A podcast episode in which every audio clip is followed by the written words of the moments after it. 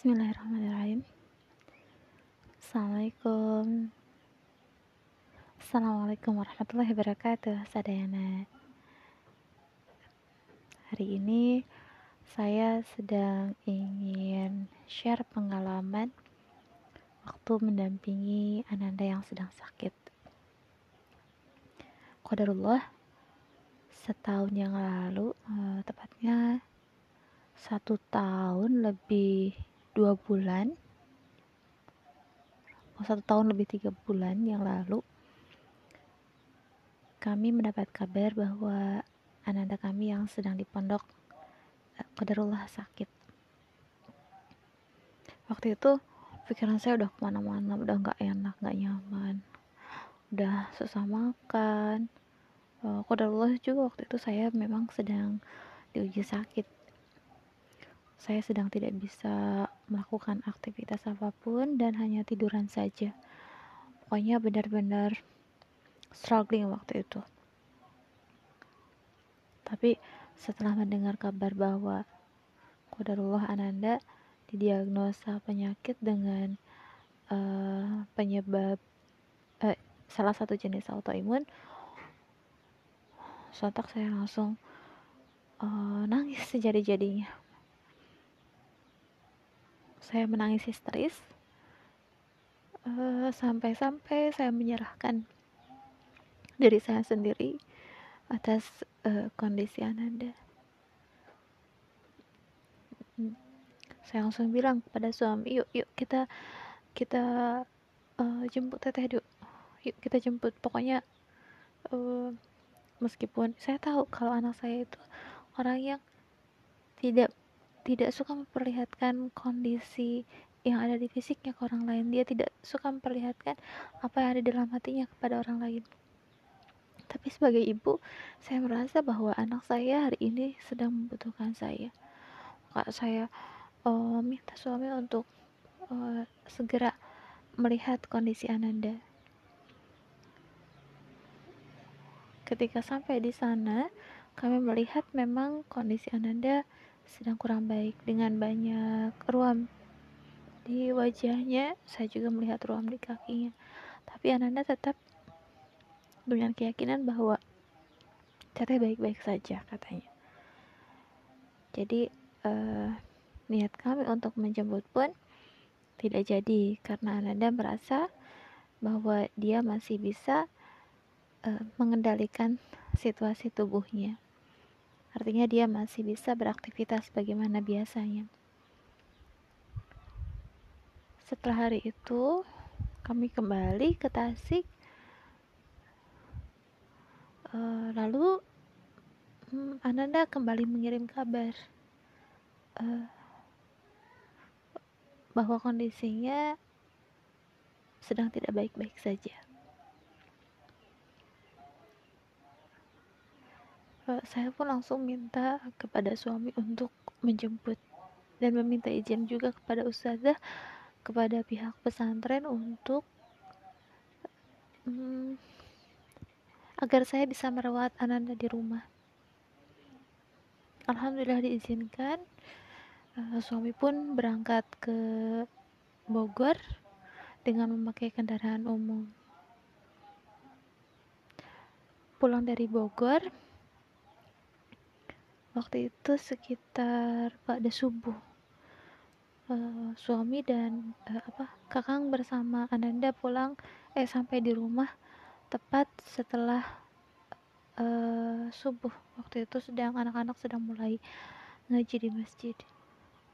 Saya peluk Ananda saya bisiki bahwa uh, saya ibunya di sini ada untuknya untuk merawatnya. Bahwa teteh hari ini datang ke sini untuk saya rawat. Secara zohir dia tidak kelihatan uh, sedang sakit. Wajahnya masya Allah dia sangat tegar. Bahkan dari senyumnya pun tidak akan ada orang yang tahu bahwa dia sedang sakit. Bahkan dia sendiri pun tidak merasa bahwa kondisinya itu sedang uh, butuh perawatan ekstra. Sampai kemudian uh, saya coba melihat kondisi fisiknya secara secara keseluruhan dan la haula wala quwata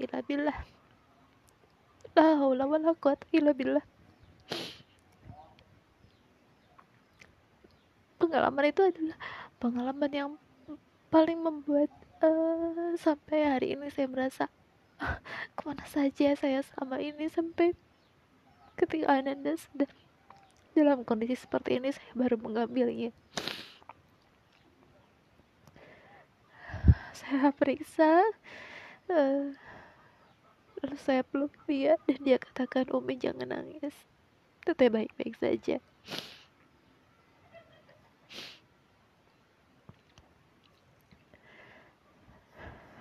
Saya saya uh, lalu buatkan ramuan khusus yang uh, saya pikir ini akan sangat baik untuknya. Ramuan ramuan ramuan itu saya ambil sendiri bahan-bahannya dengan tangan saya sendiri. Ketika saya mengambil beberapa bahan untuk ramuan itu saya niatkan dalam hati ya Allah Bismillahirrahmanirrahim ya Allah uh, tolong berikan kesembuhan untuk Ananda dari apa yang sedang saya ikhtiarkan. Dan apa pun yang terjadi saat ini semoga ini menjadi jalan kebaikan untuk kami bagi saya dan suami dan bagi Ananda juga. Semoga menjadi pembersih bagi kami dan menjadi jalan-jalan kebaikan untuk kami. Uh, saya usap-usap bahan-bahan itu saya cuci saya cuci dengan penuh uh, dengan penuh doa dan dengan senang hati agar ini menjadi obat yang baik buat Ananda karena saya selalu meyakini bahwa apa yang saya, apa yang ibunya hidangkan, apa yang ibunya hidangkan baik itu dalam bentuk pengobatan ataupun makanan atau atau sekedar makanan ringan dan minuman sekalipun kalau saya meniatkannya karena Allah kalau saya mengucapkan doa-doa baik dalam hidangan tersebut dan kalau saya uh, meniatkannya untuk kebaikan serta berusaha menyiapkannya dengan penuh sukacita maka insya Allah Allah hadirkan kebaikan dari makanan, dari hidangan, dari minuman ataupun dari obat yang saya siapkan tersebut. Saya menyiapkan obat itu tersendiri, lalu uh, meramunya ada yang direbus ada juga yang uh, khusus saya buatkan sebagai ramuan untuk dioleskan di seluruh tubuhnya. Allahu Rabbana.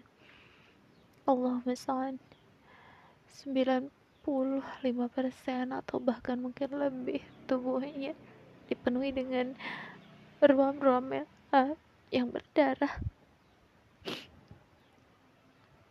Itu adalah kondisi yang sampai hari ini ketika saya mengingat itu maka saya tidak kuasa untuk oh, menahan air mata saya.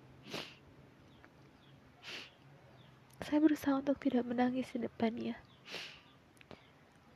Ketika saya mengolesinya dengan ramuan ramuan-ramuan tersebut dia memilih untuk membaca buku atau membaca Al-Quran. Kadang-kadang saya melihat dia menghela nafas saya melihat dia kesakitan tapi dia tidak mengatakan bahwa dia sedang sakit. Dia tidak mengatakan bahwa itu menyakitinya. Terkadang saya uh, mengambil jeda sejenak lalu memilih untuk berlari ke kamar saya dan menangis sejadi-jadinya di bawah bantal karena tidak tega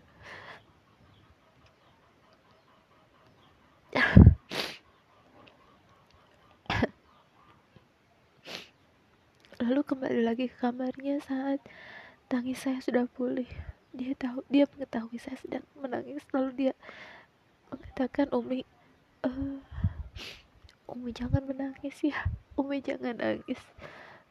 Allah tahu cara terbaik dalam mendidik kita. Ya memang itu yang sering saya katakan tapi ternyata Ternyata apa yang saya katakan ternyata harus saya telan sendiri dalam kepahitan. Saya selalu mengatakan dan meyakini bahwa apa pun yang terjadi dalam hidup kita ini adalah uh, sesuatu yang baik dari Allah. Apakah itu dalam bentuk kesakitan ataupun sesuatu yang uh, menyenangkan. Semuanya adalah hal yang baik dari Allah. Ketika saya sendiri merasa sedang sakit saya mengucapkan alhamdulillah ala hal. Saya tidak saya tidak merasa bahwa ini hal yang menyakitkan. Saya bisa baik-baik saja tapi ternyata ketika itu terjadi kepada ananda kita hati saya pun ternyata tidak sekuat itu. Saya ternyata tidak sekuat itu untuk langsung meyakini bahwa oh ya Allah ini memang yang terbaik dari Allah. Meskipun saya meyakininya tapi untuk menelan bulat-bulat itu ternyata tidak mudah jika itu terjadi kepada orang yang kita sayangi